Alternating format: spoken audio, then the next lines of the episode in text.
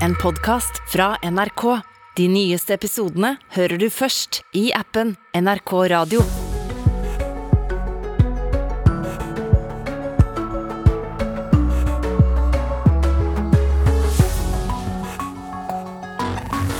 Verdens beste langdistanseløper er norsk! Det trodde vi aldri skulle skje. Han smadrer dem! De er fullstendig sjanseløse! Og endelig kommer VM-gullet! Det var ganske elektrisk stemning i NRKs kommentatorboks i natt. Jakob Ingebrigtsen fikk altså sitt etterlengtede VM-gull. Og apropos elektrisk, ingen husholdninger bør betale mer enn 50 øre kilowattimen for strømmen, mener huseierne. Nå ber de om en rausere strømstøtte. Og Venstre de vil gi nødvisum til russiske akademikere. Tror hjerneflukt vil svekke Russland over tid. Og Det drukner altfor mange mennesker her i landet. I dag er det FNs verdensdag for å forebygge drukninger, så vi må snakke litt om det også i løpet av den neste halvtimen. Nyhetsmorgen i dag får du med Birger Kålsrud Aasund i studio. Jakob, Ingebrigtsen eh, lekte altså med konkurrenten i VM-finalen på 5000-meteren i natt. eh, Og den eh, regjerende olympiske mester på 1500 meter tok med andre ord sitt første VM-gull. Yngstebror Ingebrigtsen løp i mål på tiden 13.09,24 og var fullstendig overlegen de siste 200 meterne. 200 meter igjen! Og Jakob Ingebrigtsen leder nok en finale! Og ser uhyre sterk ut! Det er bare to mann som er med nå! Det er Fischer og Krapp, og så begynner Luka å komme! De makter ikke å være med! De orker ikke! De klarer ikke! Glem Kenya, Etiopia, Storbritannia, Marokko, USA!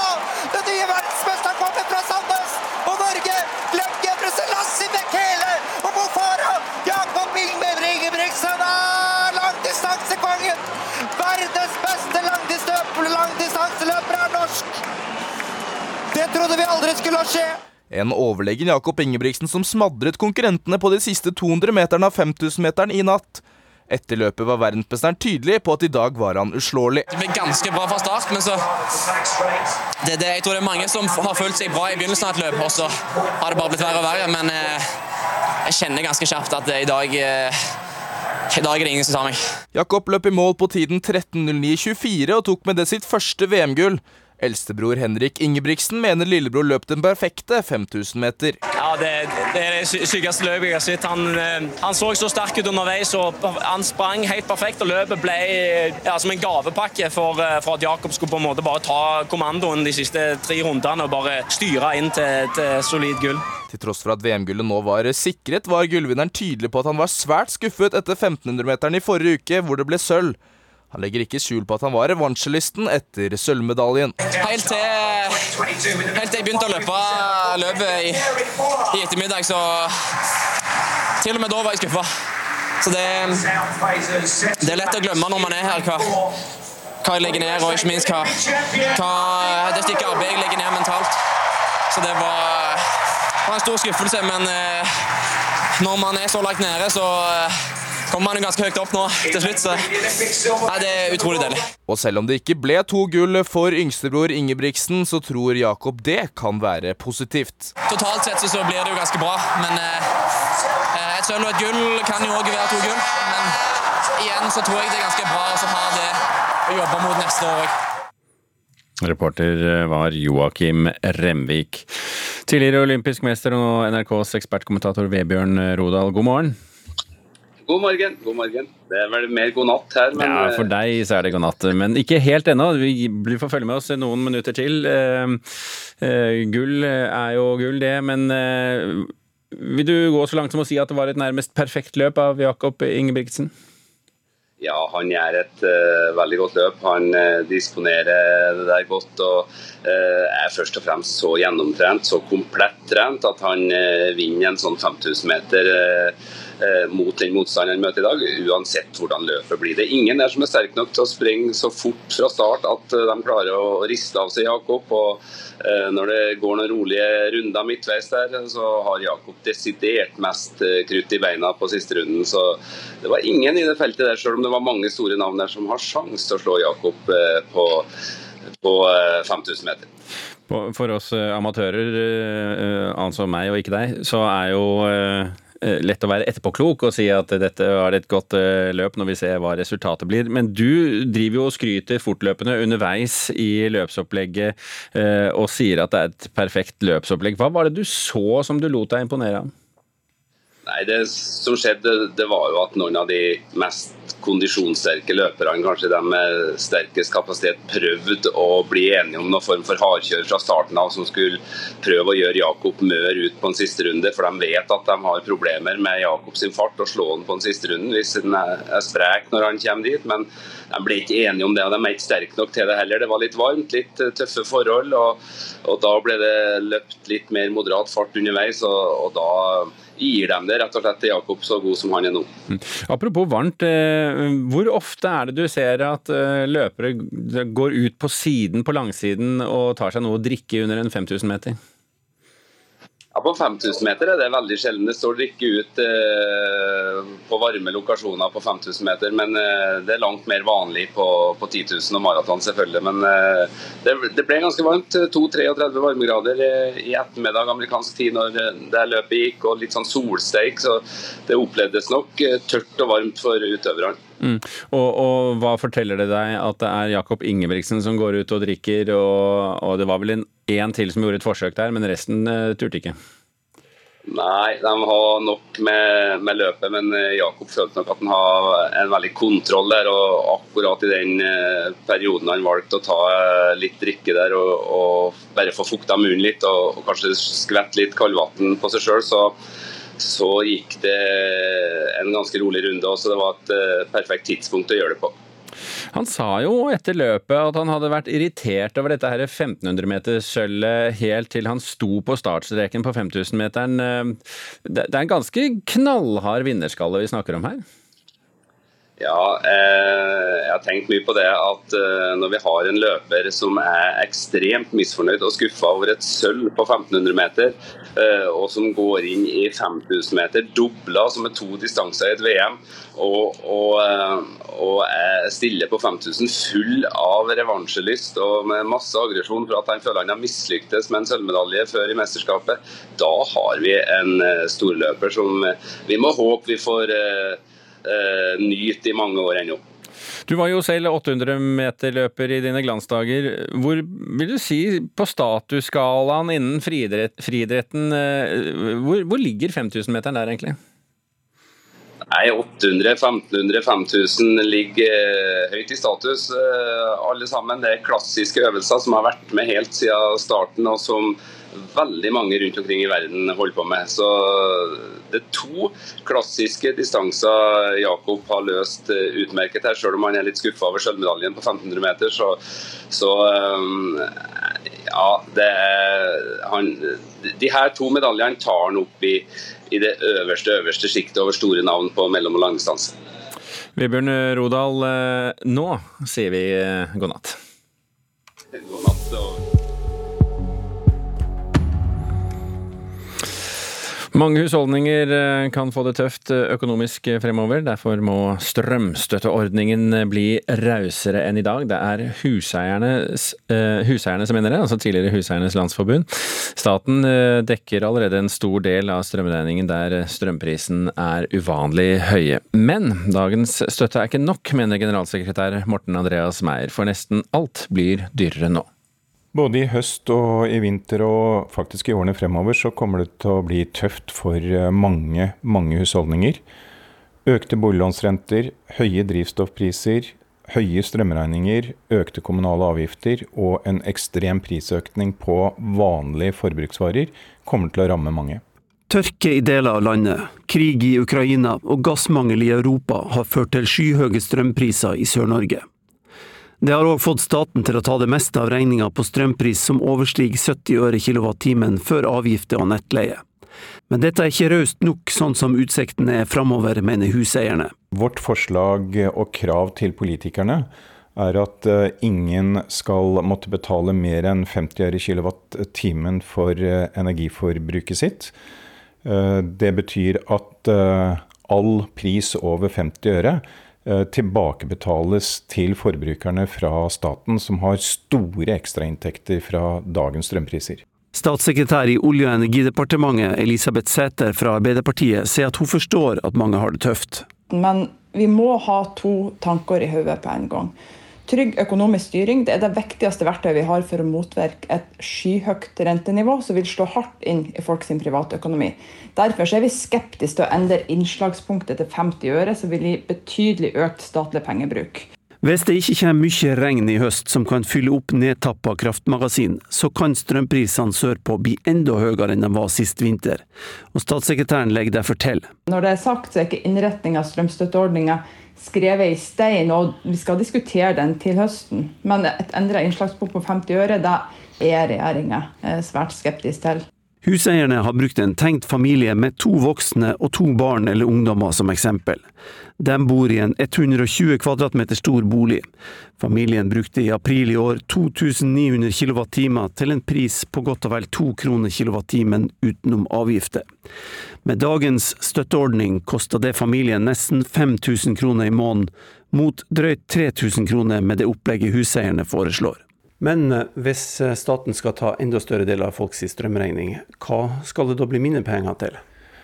Det er helt galt å fremstille det slik at staten betaler en større del av strømregningen vår. Dette er en nødvendig omfordeling av de store ekstrainntektene som offentlig eide strømselskaper og staten har fra de ekstremt høye strømregningene som i dag belastes husholdningene. Men det er viktig at strømstøtta oppfordrer til å spare på strømmen når det er lite av den, mener professor Mette Helene Bjørndal ved Norges handelshøyskole. Strømstøtteordningen skal jo først og fremst eh, kompensere for inntektseffekten av at prisen på strøm er blitt så høy. Og Vi kan jo godt diskutere hvor stor den kompensasjonen skal være. Men samtidig så er det viktig at vi beholder insentivene til å spare strøm, for de høye prisene vi ser er jo et uttrykk for den knappheten som finnes. Reporter her, det var Kjartan Røslett.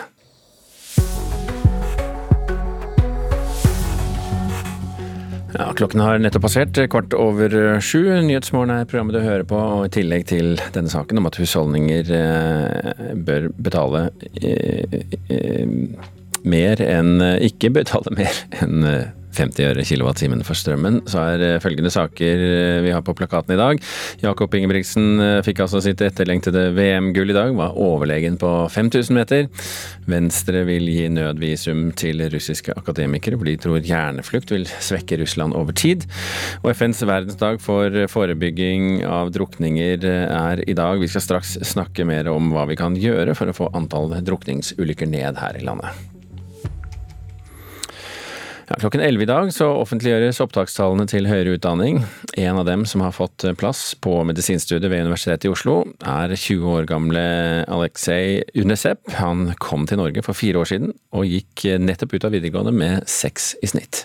Jeg drømte om å bli lege siden jeg var eh, åtte eller ni år. Så alt jeg gjorde var faktisk for å nå den eh, målet. 20 år gamle Aleksej Unesep kom fra Estland til Norge i 2018. Her starta han på Jessheim videregående skole uten å kunne norsk. Første år i norsken jeg faktisk hadde fire, i uh, skriftlig i hvert fall. Men ja, etterpå jeg rettet meg på femmer, sekser og til slutten til sekser. Nå har han fått plass på medisinstudiet ved Universitetet i Oslo. Den drømmen er han ikke alene om å ha og viserektor Bjørn Stensaker skulle ønske de kunne tilby plass til flere. Vi håper jo, og regjeringen har jo signalisert, at man skal bygge ut medisinutdanningen i Norge. Så hvis man bevilger penger til flere studieplasser, så vil vi kunne ta opp flere studenter i årene som kommer.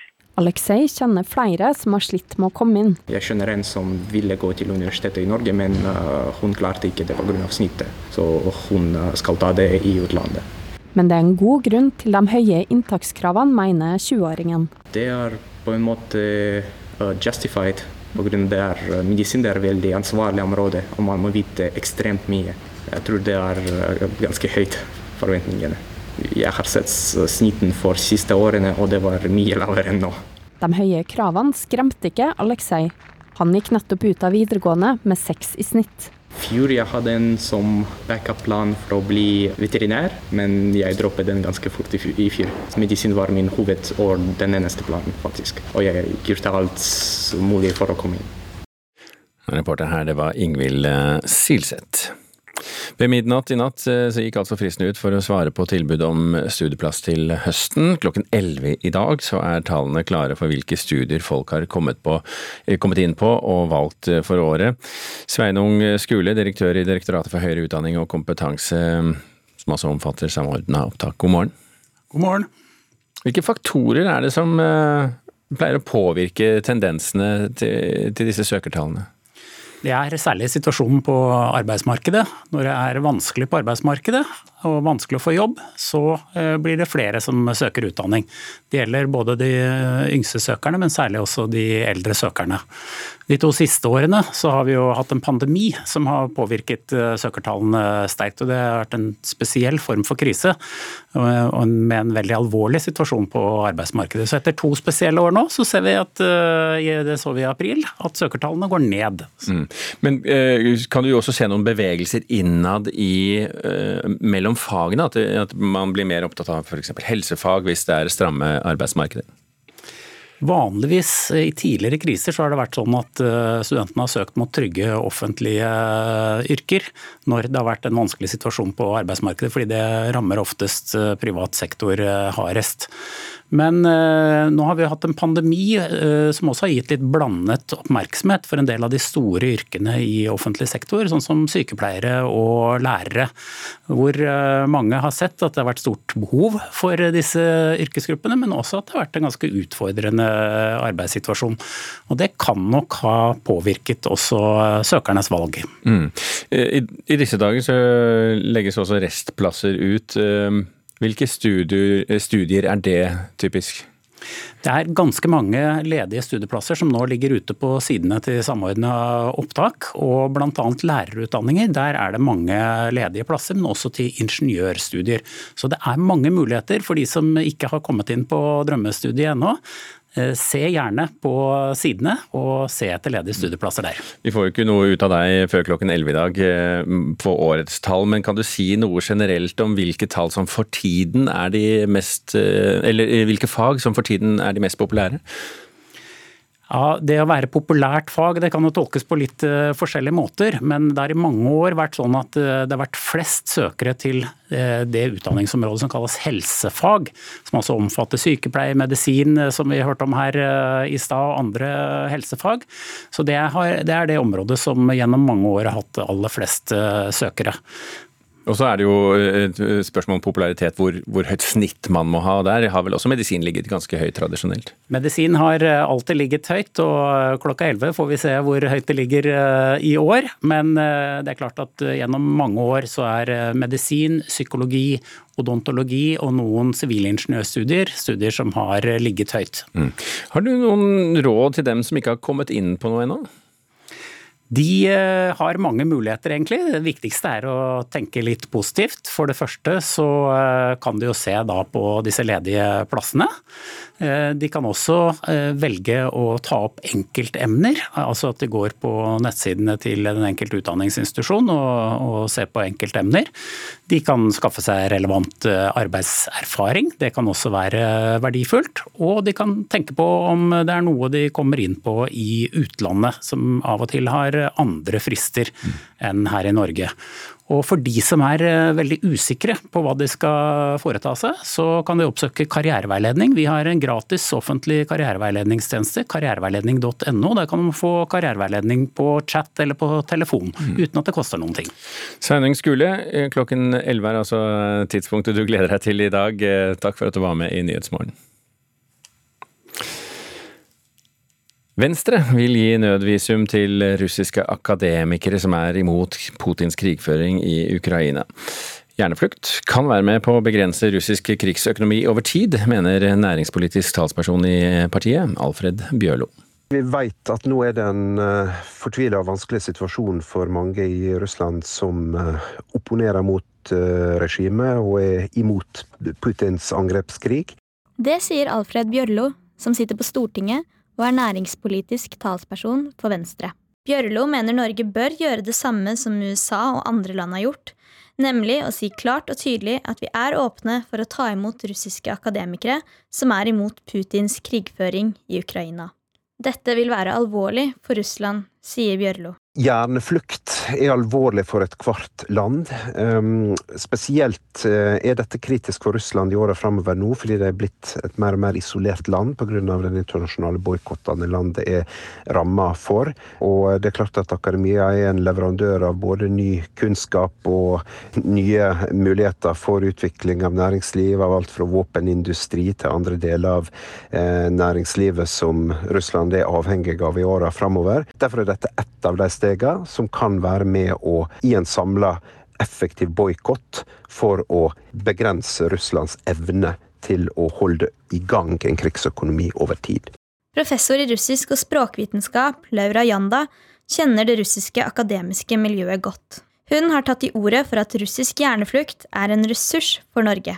Jeg tenker at vi i Norge og også i andre land i Europa at vi har en historisk mulighet til å få et løft fra disse menneskene fra Russland. Og, og også vi har en mulighet å vise at uh, vi hater ikke russere. Fordi dette er en del av Putins propaganda, at uh, Vesten hater Russland. Men vi hater ikke, russere. Vi, vi, vi kunne ta dem imot. Statssekretær i Justisdepartementet, Jon Erik Vika, skriver i en e-post til NRK at det er UDI som fastsetter hvilken visumpraksis som skal gjelde for de enkelte land. Vika skriver at departementet er forsiktige med å instruere om praksis på områder som forutsetter god kunnskap om lokale forhold. Han legger til at de ikke ser noe grunnlag for å gi russiske akademikere en bedre mulighet for å reise til Norge og søke asyl enn asylsøkere fra andre land. Men de som vurderes til å ha et beskyttelsesbehov, får bli. Vi må ha en mest mulig samla, omfattende boikott som rammer Putin der det slår hardest. Og da er det å ramme den russiske økonomien som gjør det mulig å holde krigen i Ukraina gående. Det var Alfred Bjørlo du hørte der. Reporter det var Maria Jostad.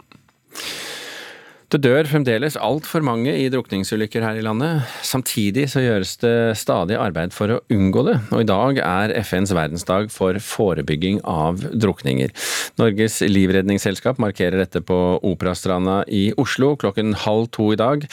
Og vi ønsker velkommen president i Norges livredningsselskap, Claire Ann Alfonso. Velkommen til Nyhetsmorgen. Tusen takk. Hva skal dere gjøre på Operastranda i dag? I dag har vi tenkt å invitere alle voksne til å komme og prøve sine livredningskompetanse, evne, og så litt selvberging. Vi håper jo at eh, på tross av været at mange vil dukke opp. Men en liten korreksjon da er jo med at vi har fått eh, dårlige vannprøver på Operastranden. Ja. Så flytter vi hele markeringen på Verven bukta, og der er det også strandlivreddere. Ja, og Vervenbukta ligger der et stykke unna, så de må tenke litt kollektivtrafikk, de som skal være med hos deg i dag. De, det må de nok gjøre. Det er utrolig flott der, så jeg håper de kommer. Vervenbukta er fin. Ja. Men hva er det dere hvem er det dere sikter dere inn mot i år, og, og, hvorfor du sier at folk skal komme med hvem er det du vil ha? Når vi ser på drukningsstatistikken fra i fjor, så er det 75 mennesker dessverre som døde av drukningsulykker. Av disse 75 så er det 60% av de over 60 år. Så vi har en liten utfordring og oppfordring til de som er over 60. Kom gjerne ut. Prøv deres livredningskompetanse, og deriblant kaste line. Og også svømmeevnene, altså svømme ute i det åpent vann. Men vet du hvorfor det er sånn at det er de over 60 som er overrepresentert?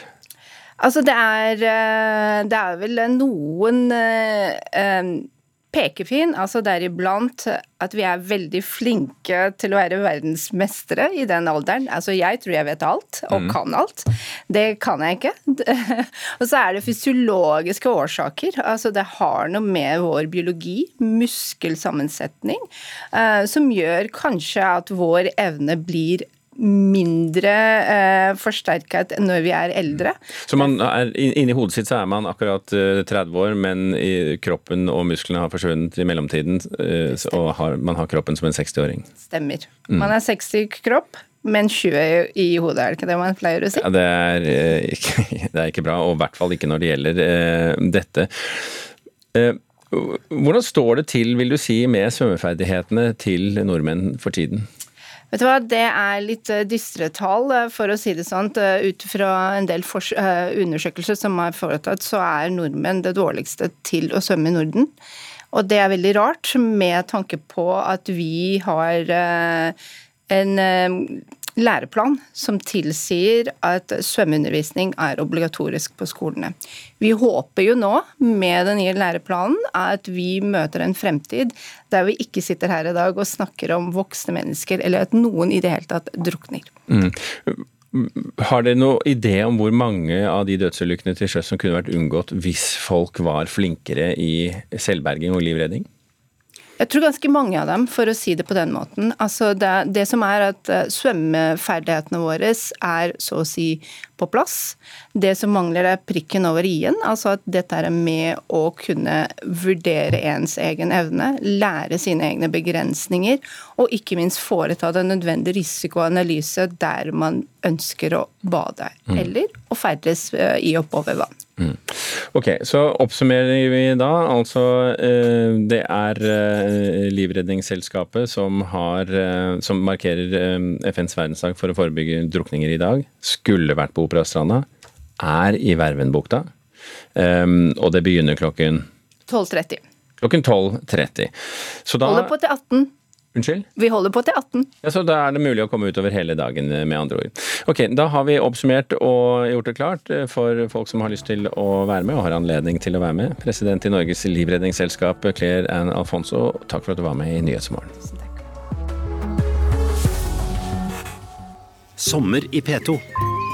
Jeg heter Stig Asplin, også kjent som den aller første Putti Pluttipott i Per Asplins julemusikal. Og i mitt Sommer i P2 forteller jeg om hvordan jeg gikk fra å være en svært aktiv og engasjert allmennpraktiker til å bli uglesett av myndighetene pga. mitt engasjement for narkomane og mitt svært nære samarbeid med Sverre Eika. Sommer i P2. I dag klokka ni.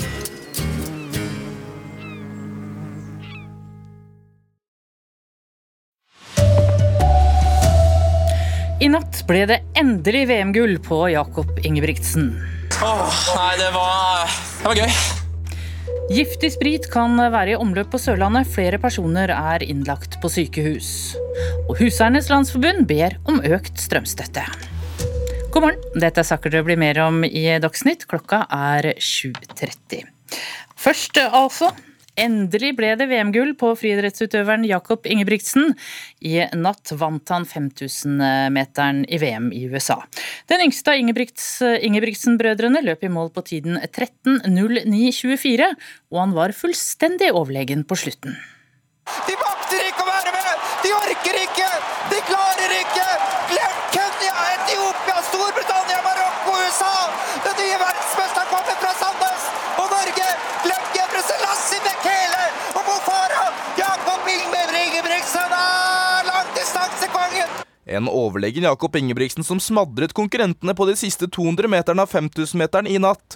Etter løpet var verdensmesteren tydelig på at i dag var han uslåelig. Det ble ganske bra fra start, men så det, det, Jeg tror det er mange som har følt seg bra i begynnelsen av et løp, og så har det bare blitt verre og verre. Men eh, jeg kjenner ganske kjapt at i dag eh, i dag er det ingen som tar meg. Jakob løp i mål på tiden 13.09,24 og tok med det sitt første VM-gull. Eldstebror Henrik Ingebrigtsen mener lillebror løp den perfekte 5000 meter. Ja, Det, det er det sykeste løpet jeg har sett. Han, eh, han, så så sterk ut underveis. og Han sprang helt perfekt, og løpet ble ja, som en gavepakke for, eh, for, at Jakob skulle på en måte bare ta kommandoen de siste tre rundene og bare styre inn til, til solid gull. Og selv om det ikke ble to gull for yngstebror Ingebrigtsen, så tror Jakob det kan være positivt. Totalt sett så blir det jo ganske bra, men eh, eh et sølv og et gull kan jo òg være to gull. Men igjen så tror jeg det er ganske bra å ha det å jobbe mot neste år òg. Reporter her var Joakim Remvik. Og dette var et nærmest perfekt løp. Det sier tidligere olympisk mester og nå NRKs ekspertkommentator Vebjørn Rodal. Han gjør et uh, veldig godt løp. Han uh, disponerer det der godt og er først og fremst så gjennomtrent, så komplett trent, at han uh, vinner en sånn 5000 meter mot den motstanderen han møter i dag, uansett hvordan løpet blir. Det er ingen der som er sterk nok til å springe så fort fra start at de klarer å riste av seg Jakob. og Når det går noen rolige runder midtveis der, så har Jakob desidert mest krutt i beina på siste runden. Så det var ingen i det feltet der, selv om det var mange store navn der som har sjanse til å slå Jakob eh, på 5000 eh, meter. Når vi har en løper som er ekstremt misfornøyd og skuffa over et sølv på 1500 meter, eh, og som går inn på 5000 full av revansjelyst og med masse aggresjon for at han føler han har mislyktes med en sølvmedalje før i mesterskapet, da har vi en storløper som vi må håpe vi får nyte i mange år ennå. Ja, det sa Vebjørn Rodal. Så til andre saker. Flere personer er nå innlagt ved Sørlandet sykehus med metanolforgiftning, og sykehuset ber folk som kan ha symptomer om å kontakte lege raskt. Pasientene kommer alle fra Lindesnes-regionen, og reporter Håkon Nesse Morå, hvor mange er det som har blitt eh, syke til nå? Det er mindre enn eh, fem personer som er innlagt eh, på sykehuset, men eh, fagdirektør ved Sørlandet sykehus Susanne Hernes hun opplyser om at det er store mørketall rundt dette, og vi kan jo høre hva hun sier mer om metanolforgiftningen. Man merker ikke selv om metanol kan være blandet inn i drikkevarer eller ikke. Det gir ikke noe spesiell smak eller lukt. Det er slik nå på Sørlandet at vi vet at det eh, er personer som har inntatt metanol eh, og fått en alvorlig forgifting. Og vi har også grunner til å tro at metanol kan omsettes på Sørlandet. Slik at folk bør være på vakt eh, for denne forgiftningen. Håkon, hva er farene ved metanolforgiftning? Det som er litt skummelt med det, er det at uh, dette er vanligvis et uh, løsemiddel som brukes i industrien, men at uh, det ofte blir tilsatt i det som vi kaller da for smuglersprit. Og det er også veldig vanskelig, som vi hørte Susanne Hernes si, og veldig vanskelig å finne ut om det er metanol i denne spriten, utenom å gjøre en kjemisk analyse av dette her. sånn. Så man kan rett og slett bli forgiftet, og det er veldig farlig. Ja, hvilke symptomer er det folk skal være oppmerksomme på nå? Eh, man eh, skal kjenne etter da om man har blitt eh, kvalm, om man får magesmerter, man kan få tungpust og også synsforstyrrelser. Og dette her, Ved alvorlig forgiftning så kan man altså bli blind av det. Man kan havne i koma, eller man kan rett og slett få hjertestans. Så Sykehuset Sørlandet de oppfordrer nå alle som har opplevd symptomer, til å kontakte lege så raskt som mulig. Takk Håkon Nesse Morå. Det viktigste rådet er kanskje å holde seg unna hjemmebrent eller smuglersprit fremover, da. Folk må få mer hjelp med strømregningen fremover, det mener Huseiernes Landsforbund. Selv om staten i dag dekker en stor del av regningen, kommer mange til å få det tøft fremover. Omtrent alt blir dyrere, sier generalsekretær Morten Andreas Meyer.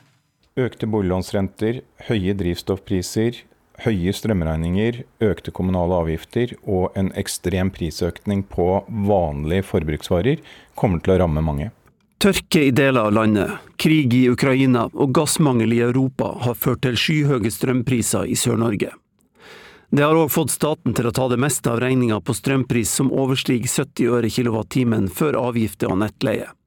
Men dette er ikke raust nok, sånn som utsiktene er framover, mener huseierne. Vårt forslag og krav til politikerne er at eh, ingen skal måtte betale mer enn 50 øre kilowattimen for eh, energiforbruket sitt. Statssekretær i Olje- og energidepartementet Elisabeth Sæther fra Arbeiderpartiet sier at hun forstår at mange har det tøft. Men vi må ha to tanker i hodet på en gang. Trygg økonomisk styring det er det viktigste verktøyet vi har for å motvirke et skyhøyt rentenivå som vil slå hardt inn i folks privatøkonomi.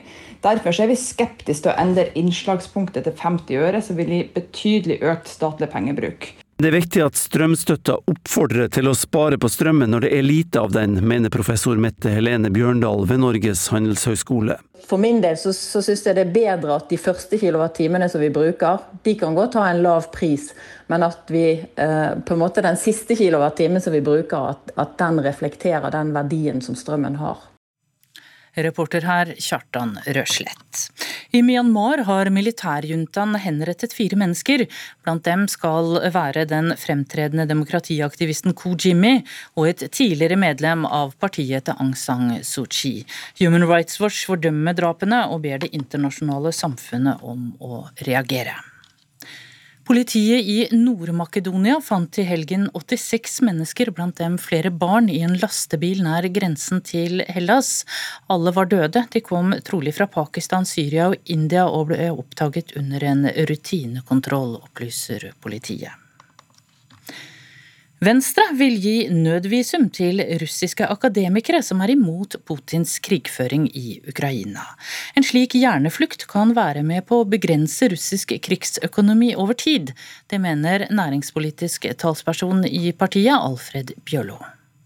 Vi vet at nå er det en uh, fortvila og vanskelig situasjon for mange i Russland som uh, opponerer mot uh, regimet og er imot Putins angrepskrig. Det sier Alfred Bjørlo, som sitter på Stortinget og er næringspolitisk talsperson for Venstre. Bjørlo mener Norge bør gjøre det samme som USA og andre land har gjort, nemlig å si klart og tydelig at vi er åpne for å ta imot russiske akademikere som er imot Putins krigføring i Ukraina. Hjerneflukt er alvorlig for ethvert land. Um, spesielt uh, er dette kritisk for Russland i åra framover nå, fordi det er blitt et mer og mer isolert land pga. den internasjonale boikottene landet er ramma for. Professor i russisk og språkvitenskap, Laura Janda, kjenner det russiske akademiske miljøet godt. Hun har tatt i ordet for at russisk hjerneflukt er en ressurs for Norge. Jeg tenker at vi i Norge og også i andre land i Europa at vi har en historisk mulighet til å få et løft fra disse menneskene fra Russland. Statssekretær i Justisdepartementet, Jon Erik Vika, skriver i en e-post til NRK at det er UDI som fastsetter hvilken visumpraksis som skal gjelde for de enkelte land. Vika skriver at departementet er forsiktige med å instruere om praksis på områder som forutsetter god kunnskap om lokale forhold. Han legger til at de ikke ser noe grunnlag for å gi russiske akademikere en bedre mulighet for å reise til Norge og søke asyl enn asylsøkere fra andre land. Reporter i dette innslaget var Maria Jostad. Ansvarlig for Dagsnytt i dag er Silje Sande. Her i studio Tone Nordahl.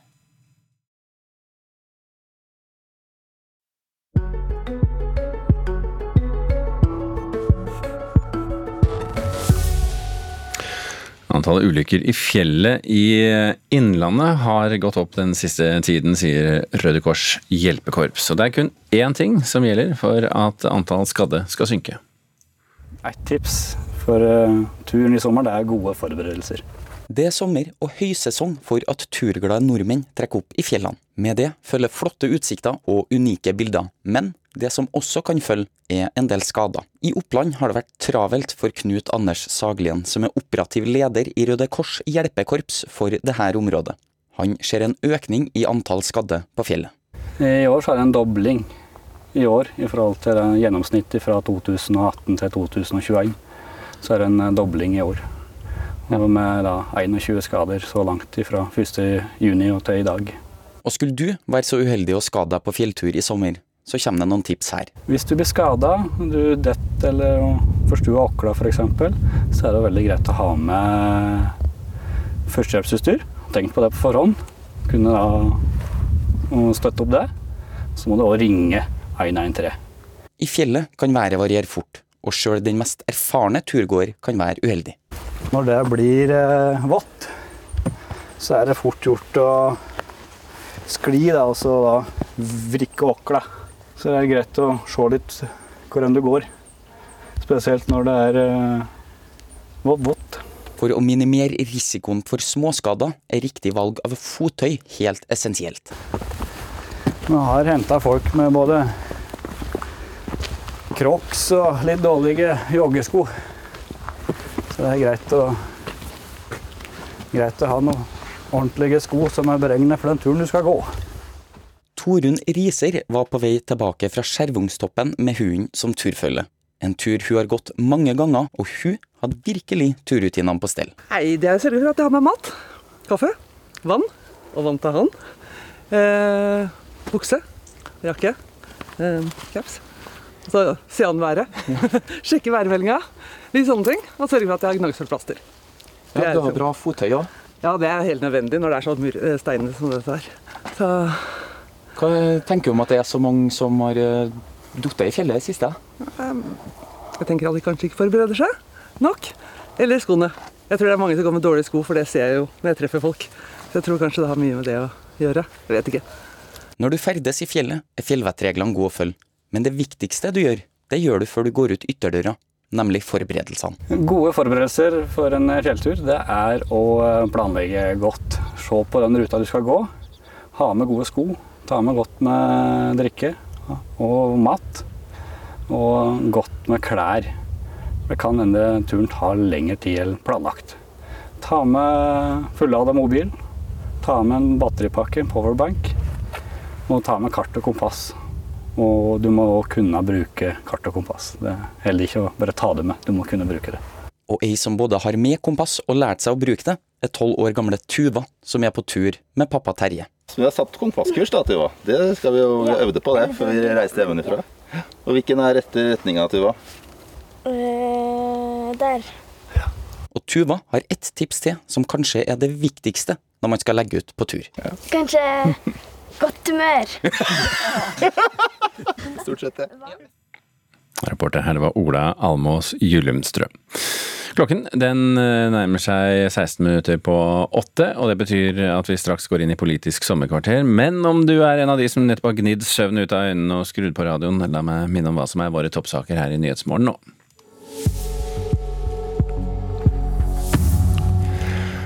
Jakob Ingebrigtsen fikk sitt etterlengtede VM-gull i dag, var overlegen på 5000-meteren. Ingen husholdninger bør betale mer enn 50 øre kilowattimen for strømmen. Det mener forbrukerorganisasjonen Huseierne. De ber om rausere strømstøtte fra staten. Og Venstre vil gi nødvisum til russiske akademikere. De tror hjerneflukt vil svekke Russland over tid. Politisk kvarter de har tatt uh, sommerferie, men sommerkvarteret der får du møte kjente og ukjente stemmer som på en eller annen måte står midt i de store endringene som skjer i uh, Norge i dag. Og I dag så har uh, reporter Eirik Ramberg snakket med forsvarssjef Eirik Kristoffersen, som har vært en del i nyhetene det siste halvåret.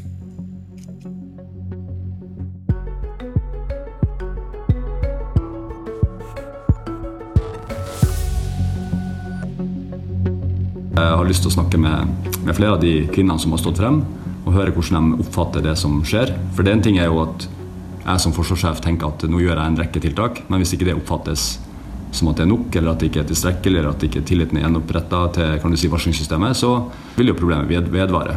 Og Derfor er det også en, en, en krise for meg. Navn? Eirik Kristoffersen. Alder?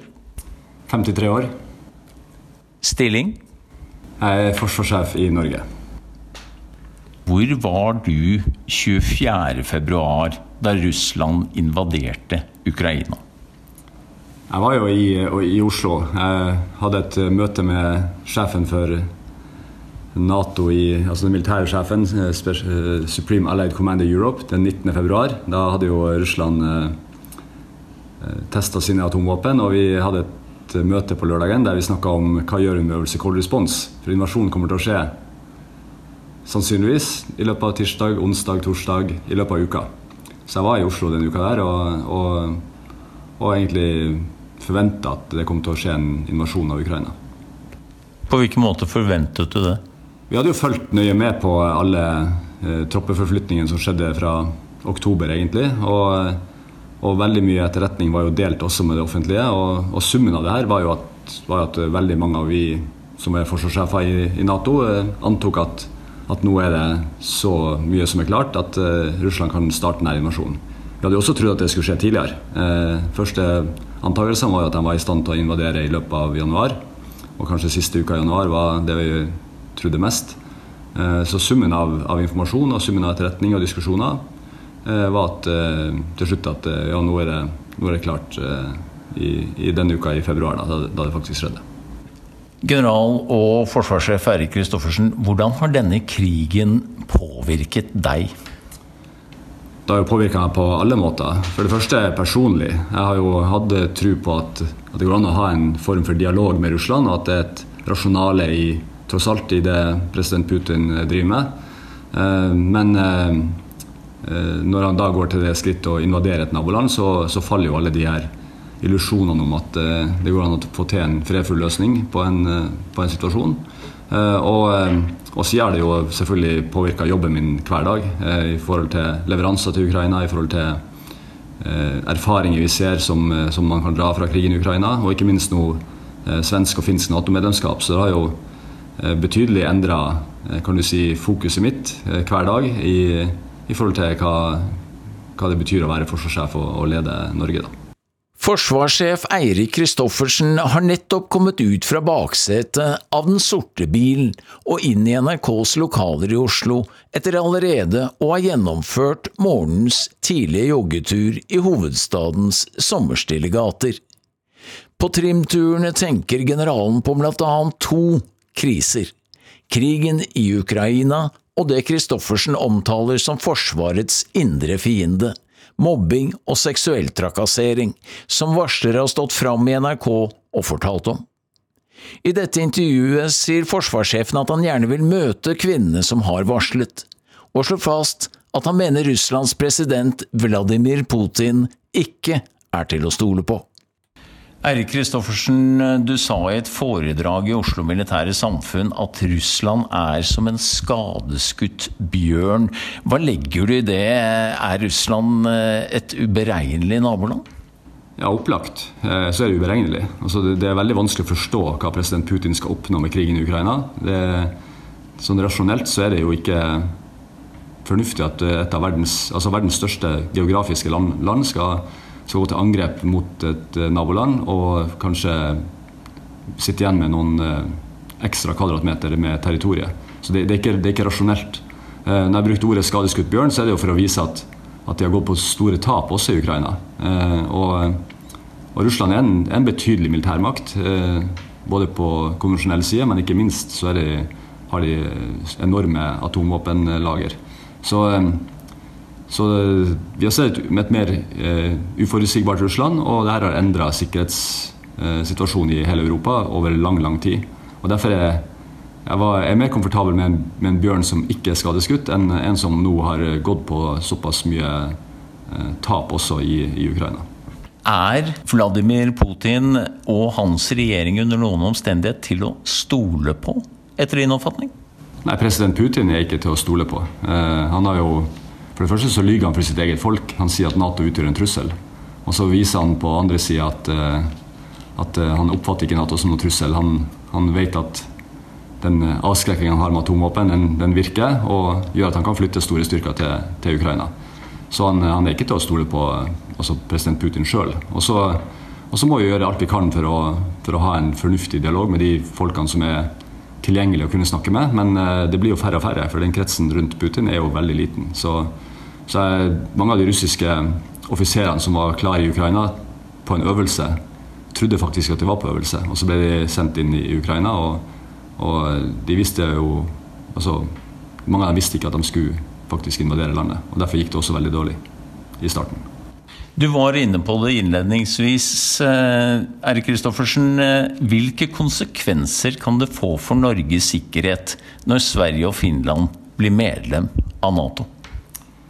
I utgangspunktet så er det kun en styrking av norsk sikkerhet. Eh, altså det er nordisk samarbeid, et sterkt Norden samla, også med, med, de baltiske landene, er bra for norsk sikkerhet. Og, og, det er også bra for Nato å få inn to Eh, nye nasjoner eh, som er, har vist eh, både gode diplomatiske evner opp gjennom årene, men også, også en betydelig militær styrke. Så, så, for Norden så betyr det her at vi blir sterkere sammen. Og for Norge så betyr det at vi også får det vi kaller dybde i Forsvaret. Altså Hvis du ser på den skandinaviske halvøya, så, så vil finsk og svensk Nato-medlemskap eh, gjøre det enda vanskeligere for enhver som måtte ønske å utfordre vår sikkerhet om eh, Forsvaret som arbeidsplass. Du er jo opptatt av god rekruttering til Forsvaret, naturligvis.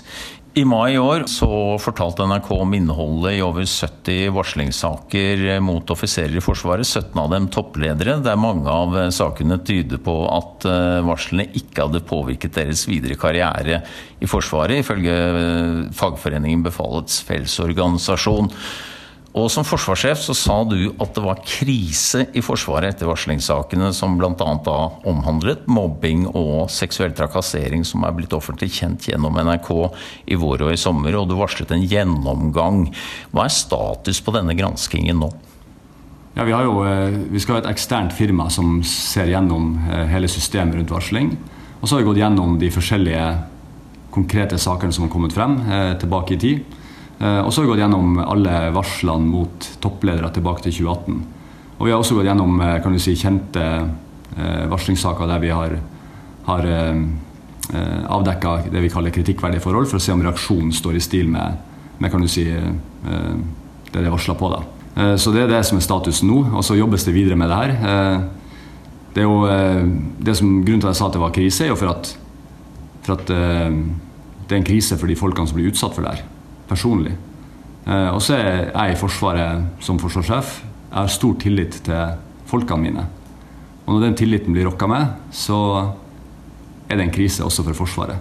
Så når vi har folk som ikke stoler på, på sine nærmeste ledere, eh, når vi har folk som, eh, som bryter verdiene våre, respekt, ansvar og mot, når vi har folk som ikke oppfører seg som folk, så er det en krise. Fordi jeg er helt avhengig av å ha tillit til at folk løser oppdraget sitt hver dag. Eh, og så er det i tillegg en, en, eh, en, krise for alle de i Forsvaret som hver dag går på jobb og gjør det de skal gjøre, og gjør, sitt, og gjør mer enn det som forventes. Som nå også får, eh, får en arbeidsplass som blir assosiert med, med, mobbing og seksuell trakassering, som er det vi har jobba mest mot, kan du si, spesielt siden 2018, vil jeg si, for å få bukt med det problemet en av varslerne om seksuell trakassering, Karoline, som jobber som offiser med løytnantsgrad, sa til NRK tidligere i sommer at hun ikke lenger har tro på det du sier om at det er nulltoleranse for mobbing og seksuell trakassering i Forsvaret. Det er ikke nulltoleranse hvis vi bare snur oss en annen vei, som hun sa. Hvordan skal du få løytnanten Karoline til å tro på deg? Nei, det, det må jo Karoline svare for, når hun tror på meg. Eh, det som jeg må gjøre, er jo, er jo også være veldig åpen rundt hva vi gjør og hva vi ikke gjør. Eh, og så eh, får jeg jo spørre Karoline, da, når jeg en gang møter henne, om hvordan hun mener at jeg er håndtert. Det har jeg ikke planlagt enda, men, men, jeg tenker at jeg har lyst til å snakke med, med flere av de kvinnene som har stått frem, og, og, høre hvordan de oppfatter det som skjer. For det en ting er jo at, at jeg som forsvarssjef tenker at nå gjør jeg en rekke tiltak, men hvis ikke det oppfattes som at det er nok, eller at det ikke er tilstrekkelig, eller at ikke tilliten er gjenoppretta til kan du si, varslingssystemet, så, så uh, vil jo problemet ved, vedvare. Og Derfor er det også en, en, en krise for meg. Uh, fordi jeg er helt avhengig av at uh, folk stoler på meg, på samme måte som at jeg er avhengig av at jeg stoler på dem til eh, varslingssystemet, kan du garantere at denne granskingen blir god nok, slik at dere får fram mørketallene og gjør vilkårene for varsling om seksuell trakassering f.eks. enklere enn det var da for, eh, for Karoline, som jo ble oppfordret av kolleger om å varsle? Jeg vil jo ikke garantere noe som helst, for det her er jo ikke noe man kan gå rundt og kontrollere. Men jeg vil jo eh, legge til rette for at det er mulig å og både få informasjon om hvor den enkelte varslingssaken står eh, for de som har varsla. Og det har vi jo gjort tiltak på allerede. Eh, men ikke minst også å få en eh, gjennomgang av eh, er, det er, er det et system som er godt nok, eller må vi forbedre det? Og, og teorien er at vi må forbedre systemet. Eh, og så vil det alltid være mørketall i, eh, i alle organisasjoner. Eh, men vi må jobbe hardt med å få åpenhet, og det er eneste måten å få bukt med det på, det er at vi er åpne og ærlige med hverandre, og at, eh, og at saker løses på, på, så lokalt som mulig eh, mellom folk. Eh, jeg er ganske trygg på at i Forsvaret så er det utrolig mange flinke folk som absolutt vil det beste hver dag. Og det, det å få denne menneskemengden da, med med verdibaserte mennesker til å, til å vinne. Det er jo det det handler om. At det er det, at det, er det vi sitter igjen med som resultat. Eh, og, derfor er, og Forsvaret har, høy, har, lagt lista høyt med å si at vi har nulltoleranse og vi skal jobbe med en nullvisjon. Altså vi skal bort hele problemet. Eh, og det å legge lista høyt, men det skulle jo også bare mangle. Og Derfor har jeg kalt det her en fiende inne i Forsvaret. Fordi at det undergraver kampviljen. Eh, og hvis det er en ting vi har lært av krigen i Ukraina, så er det jo at, at det å, den kampviljen de ukrainske soldatene viser, er jo det som gjør at de også vinner mot en militært sett sterkere russisk eh, fiende. Du er 53 år og jogger ofte om morgenen. Hva tenker du mest på underveis i trinnturene nå om sommeren? Jeg var ute og jogga i morges, da, så eh, det jeg tenker mest på, er jo, er jo eh, det, det Egentlig så er det krigen i Ukraina. Det er det, er det som er kan si, kan møte meg i løpet av dagen. Det, det, har vært veldig mye tanker rundt det med mobbing og, og seksuell trakassering i, i, de siste ukene. Og så tenker jeg jo på for et fantastisk land vi bor i. Eh, det å jogge på morgenen i Oslo er, er noe som anbefaler til alle. Det, det, er veldig stille, det er veldig fint. Eh, langs Akerselva så er det ja, idyllisk. Eh, og, og vi bor i et fantastisk land, og det må vi aldri glemme. Og vi må aldri ta det for gitt. Som tidligere spesialsoldat, eh, Erik Kristoffersen, eh, hva er ditt beste tips til alle som skal gå fottur i fjellet i sommer, for å unngå gnagsår? Det er de gode, gamle triksene med å ikke gå i nye sko. Sørge for at du har inngåtte sko. Og så er det, hvis du er i tvil, så teip beina før du går. Det fungerer. Eh, og det tar bort kan du si, den nærmeste friksjonen og gjør at du får mindre gnagsår. Og får du, får du først gnagsår, så fiks det med en gang. Det går ikke over. Stoppe i stien og ta av seg skoa? Ja. Jeg var på opptak til spesialstyrkene i 99, og hvis ikke jeg hadde stoppa og punktert den blemma jeg fikk på beinet, og teipa den før jeg fortsatte, så hadde jeg aldri blitt eh, spesialsoldat. Det sto på den blemmen? Ja, det mener jeg. Eh, altså Gnagsår, når det får utvikle seg, så stopper det enhver som, som ønsker å, eh, å, gå langt og bære tungt. Så det må, det må tas tak i og ordnes. Og så blir det ikke så gøy å gå over Besseggen, kanskje? Nei, det er jo en, er jo en, eh, en god regel at, eh, at, det å skjule problemer, eller utsette dem, eh, det kommer ikke noe godt ut av det. Så man må ta tak i problemene når de oppstår, og, og løse dem der og da. Forsvarssjef general Eirik Kristoffersen, god sommer. God sommer.